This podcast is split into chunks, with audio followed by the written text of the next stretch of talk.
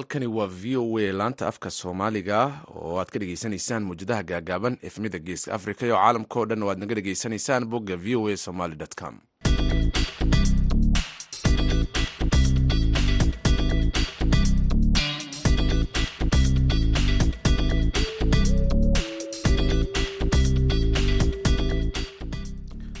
Duur wanaagsan dhegeystayaal idilkiinba meel kastoo aad joogtaan waa duhurnimo khamiisa bisha julayna ay tahay lix sanadka idaacadda duhurnimo ee barnaamijka dhallinyarada maanta. Idinla socodsiinaya anigoo ah jamaal axmed cismaan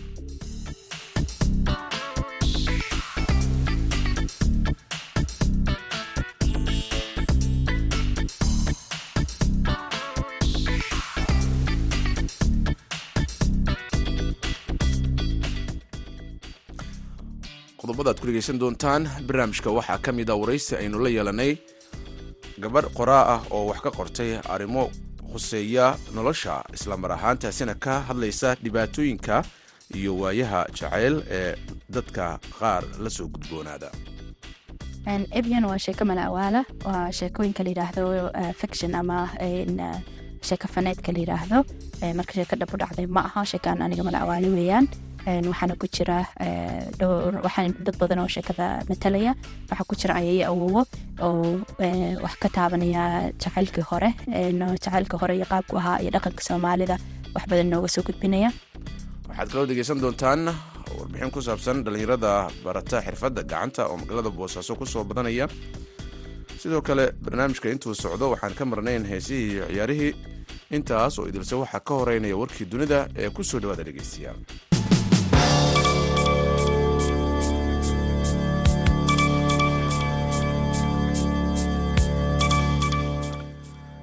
dowladda kenya ayaa dib u dhigi doontaa dib u furidda xadka ay la wadaagto soomaaliya sababo la xiriira mawjado weerara oo ay ku eedeysay in al-shabaab ay ka geysteen deegaanadaasi. Sida uu sheegay wasiirka arrimaha gudaha dalka kenya kituri kindiki arbacadii bishii mey waxay labada dowladood ku heshiiyeen in dib loo furo muddo sagaashan maalmood gudahood ah xadka. Dhowr xuduudood dhowr xarumood oo ay ku jiraan mandera liboya iyo kuanga kuwaas oo xirnaa tan iyo sannadkii laba kun ko iyo toban. Markii ay ciidanka kenya u dirtay soomaaliya si ay qayb uga noqdaan la dagaalanka al-shabaab. In ka badan toban qof ayaa lagu dilay xadka ay wadaagaan labada dal bishii la soo dhaafay taasoo qaybkaas sidii ay dadka falanqeeya arrimaha ammaanka ay sheegayaan inay socdaan. Dadaallo ay al-shabaab ku doonayso in kenya ciidamadeeda ugala baxdo howlgallada nabadilaalinta soomaaliya. Dowladdu waxay dib urugi doontaa qorshaha gabagabada ah ee dib loogu furayo xuduudda kenya iyo soomaaliya si wax loo qabto mawjadaha weerarada argagixisnimo iyo dembiyada xuduudaha ayuu kindiki ku soo qoray bartiisa twitter-ka. Taliska milatariga mareykanka ee qaaradda africa ee africom loo soo gaabiyo ayaa sheegay in saaka kolonyo milatari ay la socdeen ciidamada mareykanka iyo kuwa soomaalida. Ay kula qaraxday walxaha qarxa oo waddada dhinaceeda la dhigay. Shilkan ayaa ka dhacay meel u dhow kismaayo africom waxay sheegtay inaan wax khasaarahay ka soo gaarin ciidamada mareykanka iyo kuwa soomaalida labaduba. Waxaa africom ay intaasi ku dartay in weerarka uu sida waxa ay africom sheegtay wararka sheegaya in khasaaro uu soo gaaray inay yihiin kuwo been ah oo aan sal lahayn. Ciidamada israel ayaa weerar ku qaaday deegaan ka tirsan lebanon oo laga soo riday gantaal xuduudaha isaga kala gudba khamiistii sida uu sheegay milatariga bayaan uu soo saaray milatariga ee israel ayaa lagu sheegay in gantaal hore laga soo ganay gudaha lebanon uu ku qarxay gudaha dhulka israel war hore ay soo saartay milatariga ayaa lagu sheegay inaysan jirin natiijooyin hordhaca oo laga helay dhacdooyin aan caadi ahayn oo ka dhacay xadka dhinaca israel sidoo kale ma cadda khasaaraha ay geysteen weeraradaasi. Warkii dunida dhegeystayaal waa nageyntaa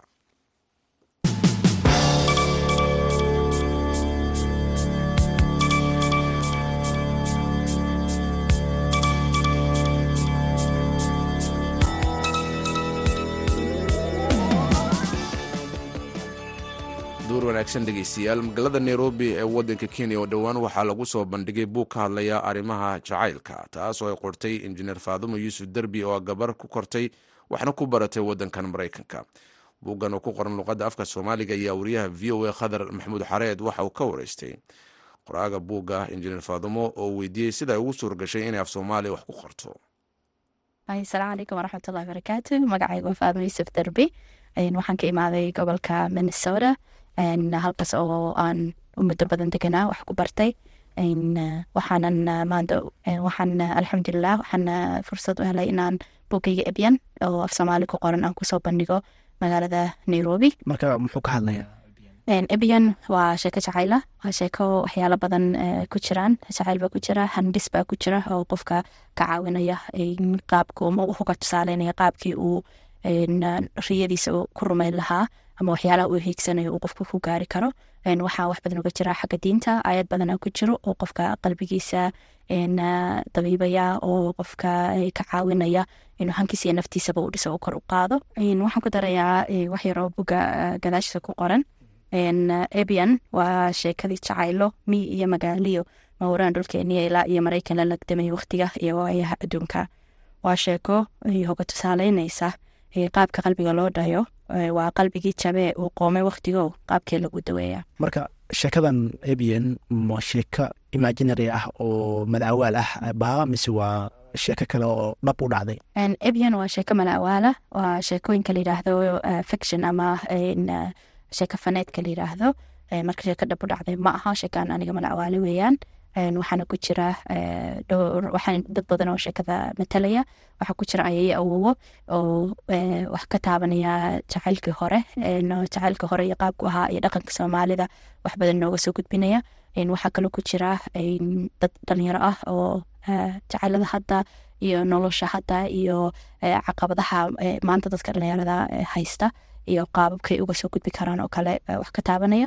Waxaa kaloo ku jira waxyaala xagga bulshada saameyn aan rajaynayna ku yeeshaan waxna inooga yara bidhaamiyaan oo ay ka mid tahay in bulshada hadda tusaale ahaan markaan adduunka ku kala baahnay oo qurbaha iyo wadamo kala duwan aan kala tagnay waxaa jira dhaqamo badan iyo afaf kala duwan oo badan iyo waxyaalo badan baan soo qaadanay. Marka haddana dadki iyagoo de wada ehelo soomaali isla wada aho qaar wada dhasheen qaar isqabaan qaar nolol wadaagayaan qaabkii dadkaas ay iskula noolaan lahaayeen oo kale ama ay maxaa la dhahaa iyagoo dhaqamadii kala duwan haysta ay dhaqamadaas isku fahmi karaan. Marka waxaa ku jira laba reer nasra iyo reerkeeda reerka u dhexday iyo reerka dhalay. Waxaad u bixisay ciwaanka buugga ee ebian waxaa ku sii hoos qoran wakti iyo waayaha jacaylka. Marka maxaa ku dooratay ciwaankan? Waxaan ku doorsata ebian waxay ka mid tahay dadka buugga jilaya oo sheekada inteeda badan ay ku socoto macnaha ereyga ebianna waa macnahan aada uga helay waayo waa wax dhamaystiran ama wax dhinacyo badan laga laga aduga hahabeeyo kale marka sheekadan runtii xagga diintii waxbaa uga jira dhaqankii waxbaa uga jira afkii wax badan baa uga jira nolosha qurbaha waxbaa uga jira dee wadankeen waxbaa uga jira. Marka maadaamaan dhinacyo badan aan wax ka qoray aniga ahaan wuu ii abiyan yahay ama wuu ii dhamaystiran yahay.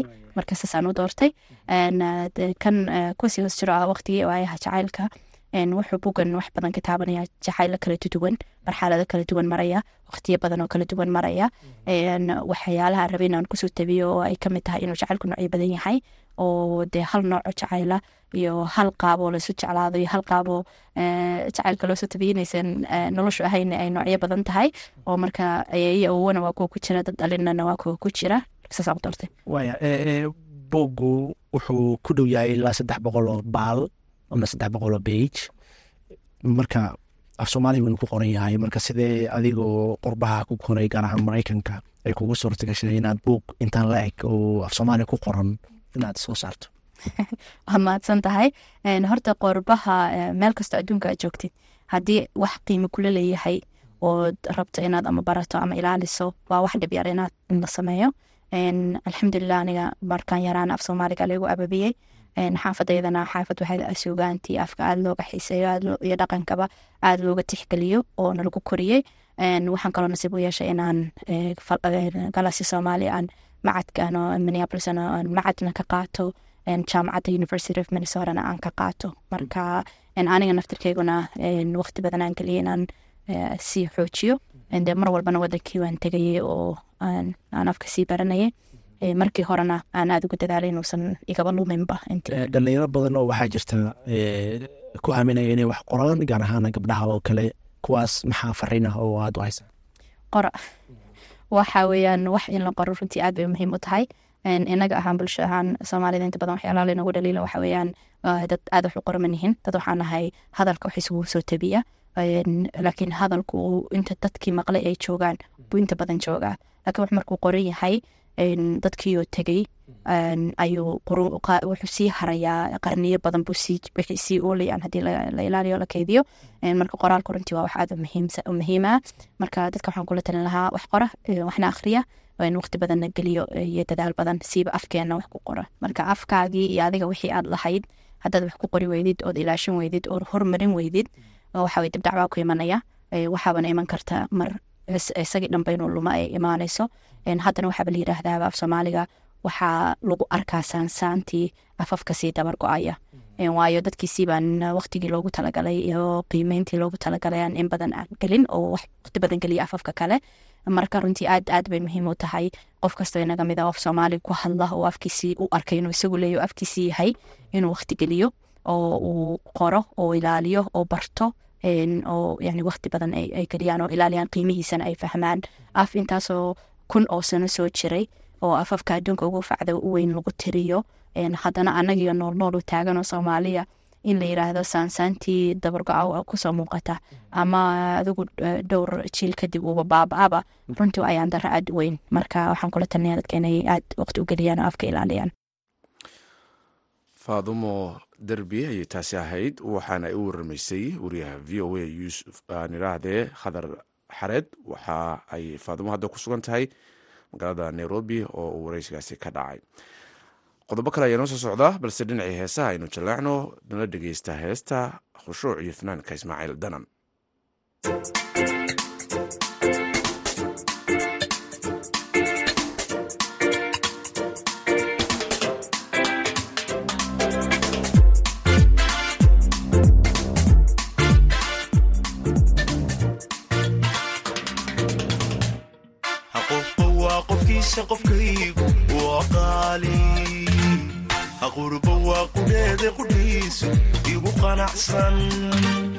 hayga muuqasarina dooqu u qofsanii xul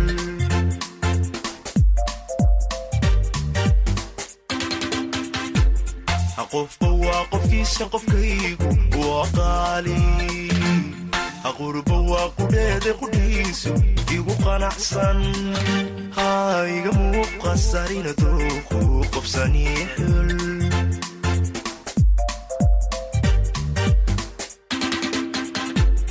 qalbiga jacaylu qabo mid kale qabanaynin mana qoomamay barashada marquudha ma qabiyaynin qofkaan jeclahay farxaddaan ku qabo ma qiyaasna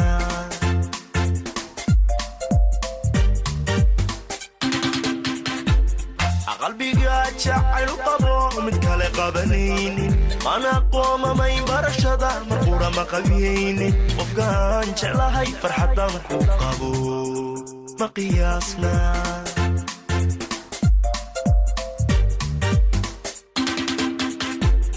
aqosoliyo kalgaxal. Wakhtigayga ha kula qaatay isma qursano. Qabkuu xunya ka qashaafnay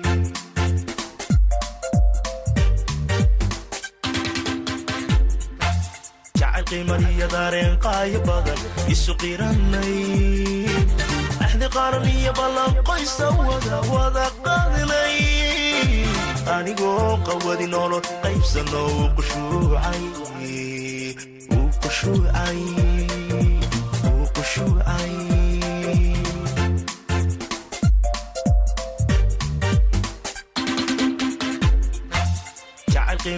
daareen qaayo badan isu qiranay axdi qaran iyo ballan qoysa wada qaadnay anigoo qawadi nolol qaybsano uu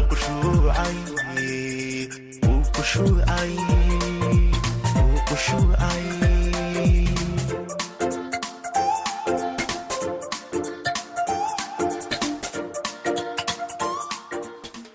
tahay halkaad naga dhegeysanaysana waa v o a. Magaalada boosaaso xiliyada ay iskuulaadka caadiga ay xiran yihiin waxaa jira in dhalinyaro aad fara badan ay iska qoraan goobaha lagu barto xirfadaha gacanta. Faysal cabdi cartan oo ah maamulaha xarun lagu barto xirfadaha gacanta ayaa ka waramay sida ay marka iskuulaadku uu xiran yahay ay ardada u qaabilaan isagoo sheegay in ujeedka ugu weyn ay tahay in dhallinyaradu ay bartaan xirfado ay ku shaqaystaan wariyaha v o a yuusuf maxamuud yuusuf ayuu u waramay waxaa kale fay wacyigelin aan bilownay intaan xaaga la gaarin oo ardayda ama meelo badan ama iskoolada aan ugu tagnay ama jaamacad dugsiga sare aan buuqanay si ardada aan uga dhaadhicino xilliga xagaaga fursadaha u yaalla boosaaso ah magaalo aada u kulul oo xilligan oo kale laga xagaabaxo ayaa arday badan ama dhalinyaro badan waxay go'aan ku qaateen inay joogaan si ay xirfad u bartaan. Arrintaasna waxa weye wacyigelin badan kadib ayay fahmeen waxaanan u sheegnay hadday xirfad bartaan inay ka maarma inay qof ku tirsanaadaan marka ardada waxay go'aan qaateen in sanadka markii xilliga jaamacadeedka la gaaro. Ardada xirfada anoo barata waa ardada ka baxda dugsiga sare u badan yihiin oo sanadkan markaan u xirmay oo dareynay inay dhu jaamacad ku biiraan. Marka waxaa jira wacyigelin ama tababaro aan bilownay xilliga qowbaha oo ahaa in dhalinyarada jaamacadaha qarashko si isaga bixiyaan inay xirfad bartaan ay waalidkana culeys uga qaadaan. Qarashkaas marka jaamacadda ku baxaya wuxuu ardaygu sameyn kara hadduu xirfad barto asaga ayaa iska bixin kara tusaalahaan xirfadaha hadda aan xoogga u saarnay oo ah xirfadaha la heli karo shaqadooda waxaa ka mid ah wiilashoo kale waxaan barnaa korontada waxaan barnaa harqaanka waxaan barnaa mobil sameynta waxaan barnaa qeyb computer ka mid oo la yidhaahdo multimedia oo photoshopki waxaas lagu barnaayo. Waxaa kaloo barnaa xirfadda la yidhaahdo ilaahay kuma samadiile makaanikada tubiistaha wiilasha ayaa ka faa'iidaystaa gabdhaha oo kale waxaan uga faa'iideynaa qurxidda dumarka maxaan dharkarinta xirfadahaas caafimaadka si markaa iyagana ay fursad u noqoto ay uga shaqaystaan markay xirfadan dhameeyaan ku shaqaystaan. Maxay tahay marka ujeeddada u baranayaan dhalinyaradan xirfadaha oo ay uga faa'iideysanayaan waana fikrad hadda dadku ay isku baraarugeen inay xirfadaha bartaan. Sababto waxaa la ogaaday qofka hadduu xirfad barto inuu shaqana heli karo aan lagu xirin xaalado kale noloshiisan u maareyn karo. Waqtiga xirfadda la baranayan ee yar ugu yaraan ay tahay ama ugu badnaan ay tahay lix bilood toddoba bilood. Waana midda keliya maanta fursadaha ka furan wadankeena soomaaliya. Laakiin dhalinyarada badanaa ma ku baraarugsan awal in xirfadaha kan hadday bartaan ay lacag ka sameyn karaan ama ku noolaan karaan ama noloshooda ku damberi karaan. Faysal waxaa rabaa inaan ku weydiiyo oo kale marka. Tirada guud marka loo firiyo dhalinyaradii horey farsamada gacanta u baran jiray iyo xilligan waktigan la joogo sanadahan u dambeeyey yaa u malaynaysaa marka inay badan yihiin dhalinyaradu inay bartaan xirfadaha gacanta. Hadday badan yihiin maxaa yeelay xagaaga arkayso magaalada booso aad looga xagaabaxayo aad dareensannahay in dad badan ay ka baxeen boqolkiiba la dhigi karo toddobaatan magaalada waa dadkii waa ka xagaabaxeen haddana dhalinyaradan waa dhalinyaro go'aan qaadatay inay xirfadaha bartaan xilliga xagaaga si hadhow xilliga kalena jaamacadaha u dhigtaan gelina u shaqaystaan. Waana tan wacyigelinta uu sameeyey anfac college sanadkiian bilowgiisii aan ugu talagalnay dhalinyarada inay ku baraarugaan inay xirfadda bartaan. Sidaan ognahay maanta dunida oo dhan waxaa ka jirta in qof walba oo rabo inuu shaqo tago in lagu xiro xirfad. Hadday tahay wadamadaas reer galbeedka hadday tahay maxaan afrikadan kulli waxay noqotay ama aasiya hadduu qofka aadaya xataa inuu qofku xirfad leeyahay. Waxaa la waddamada horumaray maxay ku horumaray waa la isweydiiyey. China oo kale jaban oo kale waxaa la ogaaday in yihiin dadkaas dad xirfadaha aada u bartay oo adduunkana laga dareemay xirfadaha ay barteen inay maaragtay nolol maalmeed iyo horumar ka sameeyeen. Dhalinta somalida waxaan tusnay ama waddada u xaagnay in ay tahay fursadda keliya u furan inay tahay inay xirfad bartaan si noloshooda uga baarmaan inay xataa waalid ku tirsanaadaan iyagana isu maareeyaan. Waana fikirka hadda hirgalay xilliga xaaga iskool ay xiran tahay ay joogaan in ka badan ardayda laba boqol arday xirfadii baranaya waxaa ognahay horey dhalinyaradu inay aada isugu cusuriyen jireen farsamada gacanta oo qofka dhalinyarada ah lagu dacayadeyn jiray lagu dhaleeceyn jiray. Haddana waxaad ii sheegtay inay aada u badan yihiin. Maxaa keenay marka? Arrintaa way jidhaa oo waxa weye dadku waxay aaminsanaayeen shaqooyinka xataa dad gaara lagu leexin jiray. Shaqooyin waxa mudaafaqo lagu sameyn jiray bay ahayd. Ha yeeshee wacyigelinteenii anfac college ahaan macalimiinteena ama tiimka anfac college ayaa wacyigelin ballaaran. Annagoo u marayna meelo badan hadday tahay idaacadaha hadday tahay iyo meel kulamo aan ku qabanay iskoolka dhexdiisa ayaan waxaan ka dhaadhicinay shaqadu inay shaqo tahay. Qofka shaqastan uu sharaf leeyahay. Ee laakiin aysan ahayn shaqa laga faanaysan jirin caalamka. Haddii suuli loqoda in laga shaqeeyo in laga shaqeeyo muhiim tahay. Si qolof qofkan noloshiis u maareeyo uu uga baxo inuu qof ku tirsanaado shaxaad iyo waalidka dhoo birbeer soo dir iyo waxaasa u baahanahay kaba ii gad iyo gabadha dhahda shoobin la'aan baanahay waxaasoo dhan waxaa looga bixi karaa in ardaygu uu fahmo hadduu shaqaysto uu shaha gadgadaayo meel hadduu shaha wareejinaya hadduu koronto xirayaba inuu isku dayo inuu qofkaa shaqaysto. Taasaan ka dhaadhicinay. Taasaana keentay in maanta dhalinyarada iyo waalidiinta qaarkood nala qaataan. Waalidiinta qaarkood hataa guryaha u koriyin ciyaalka da magaalada jooga iyagoo maqan oo ka xagaa baxay. Waxayna taa ka- dhabeynaysaa in waalidiintu hataa ay fahmeen in xirfadaha hadday ubadkooda baraan ay xataa iyagu nasanayaan. Tusaale yaraan ku siinaya haddii hal waalid uu dhalay shan ciyaala laba gabdhood iyo wiil oo kale u shaqeeyo xirfadda ay bartaan tusaale ahaan xirfadda markay bartaan ay shaqeeyaan waalidka culeys badan baa ka degayo maxaa yeelay qarashkii reerku ku bixiyey awal waalidkaa bixin jiray aabbaa bixin jiray aabbihii culeysaa ka degay.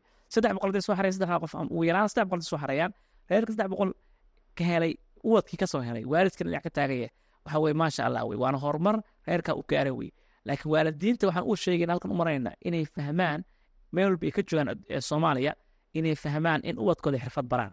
Si markaas ubadkooda isu anfacaan iyagana u anfacaan naftooda u anfacaan. Waana arrinta keliya ee looga bixi karo shaqala-aantan soo noqnoqotay soomaaliya la leeyahay shaqala-aan baa shaqala-aan ma jirto shaqo way taallaa waddanka way taallaa laakiin waxa weye dhallinyaradii shaqooyinka yaallay bay diideen dhammaantood waxay xafiis inaan ka shaqeynaa rabnaa haddaa waraysta wuxuu ku leeyahay anigu nin xafiis baan rabaa inaan ku shaqeeyo laba kun oo doolar agaasimo guud noqdo hadda goorma horta laba kun lagu shaqeeya waa inuu qofka zero ka soo bilaaba uu- toban doolar ku shaqeeya oo konton ku shaqeeya oo dhagaxa guraa oo dhoobada qasaa oo maxaan ku rahdaye ee hanjada wareejiya oo meelaha mar wax badan qabto way qofka kadib baa la gaari karaa taasoo dhan ujeedkaygu waxa weeye inaanu yarayno reydka shaqala-aanta dhalinta soomaaliyeed inaan yarayno qorsheynu waxa weeye anagu dadaalkayagu inta hadda aan gaarnay waxaan dareensannahay inuu isbeddel u ka muuqdo magaalada boosaaso.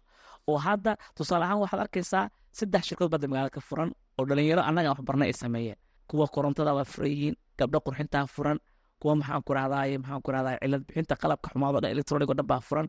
Waana fursadihii ka soo dhexbaxay xirfadii dadka aan barayno waxaa jira saacadihii meel loo hagaajinayay moobiladii baa jira dhar harqaamadii baa soo batay oo dhalinyaro badan baa harqaamadii meelaha dhigatay dharka tolaya.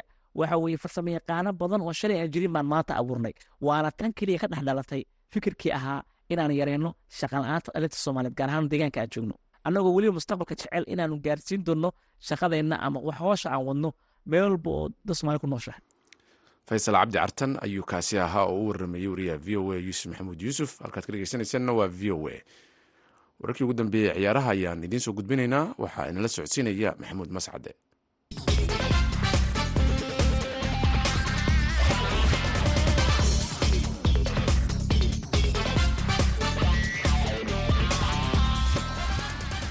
Kuna wanaagsan dhegaystayaal dhammaantiinba kuna soo dhowaada xubinta ciyaaraha koobka qaramada yurub ee xidigaha da-doodu ay ka hooseyso kob iyo labaatan jirada. Ayaa habeenkii xalay ahaa ciyaarihiisa semifinalka fooda la isku daray. Waddamada israa'iil iyo england ayaa kulanka koowaad wada ciyaaray waxaana xulka qaranka ee ingiriisku ay ugu awood sheegteen israa'iil saddex gool iyo waxba. Ingiriiska waa markii labaad uu ka guulaysanayo koobkan intii uu socday xulka qaranka ee israa'iil oo isku guruub ka soo baxeen waxaana israa'iil kulankaasi guruubka lagaga soo adkaaday laba gool iyo waxba.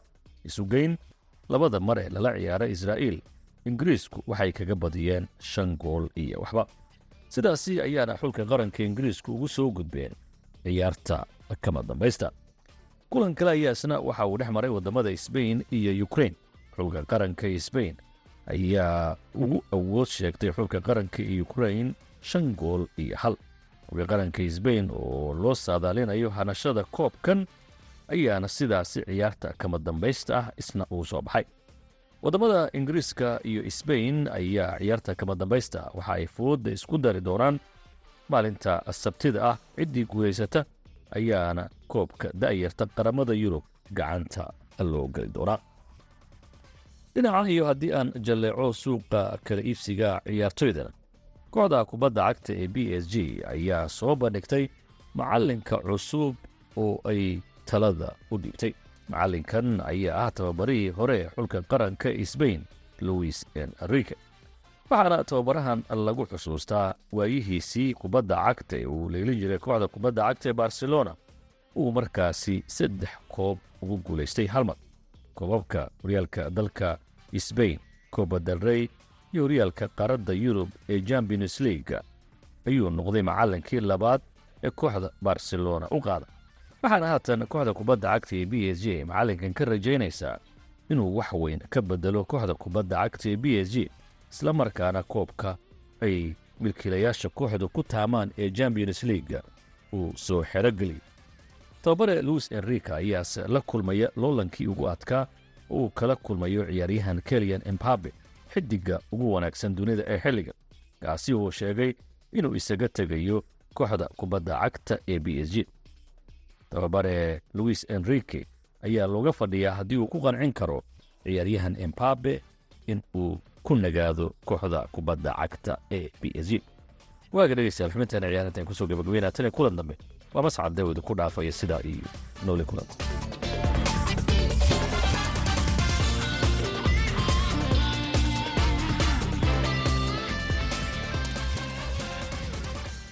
aad buu mahadsan yahay mascadda dhegeystayaal. Markanna dhinacii heesa ayaanu jallaacaynay waxaad ku soo dhawaataan heesta kun jeer qosol maalintaada iyo fanaanka cabdicasiis kalaaji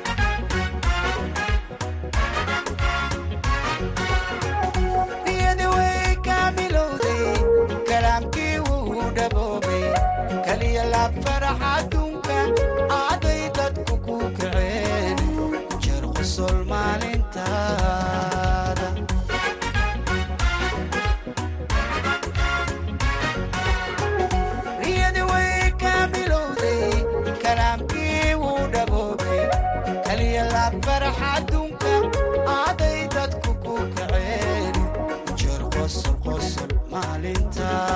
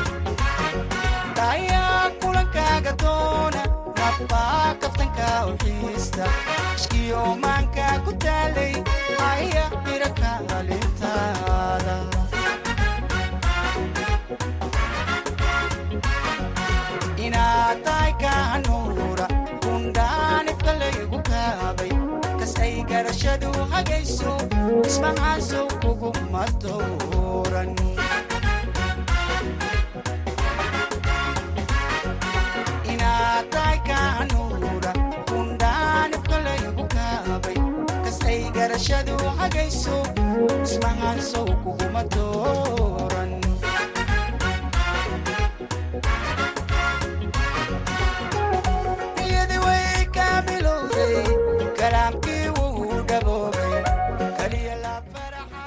heestaasi ayaa u ahayd idaacaddeenna duhurnimo ee barnaamijka dhallinyarada maanta dhegaystayaal tan iyo afarta galabnimo intaan mar kale hawada ku kulmi doonno waxaan idkaga tegayaa nabadgelyo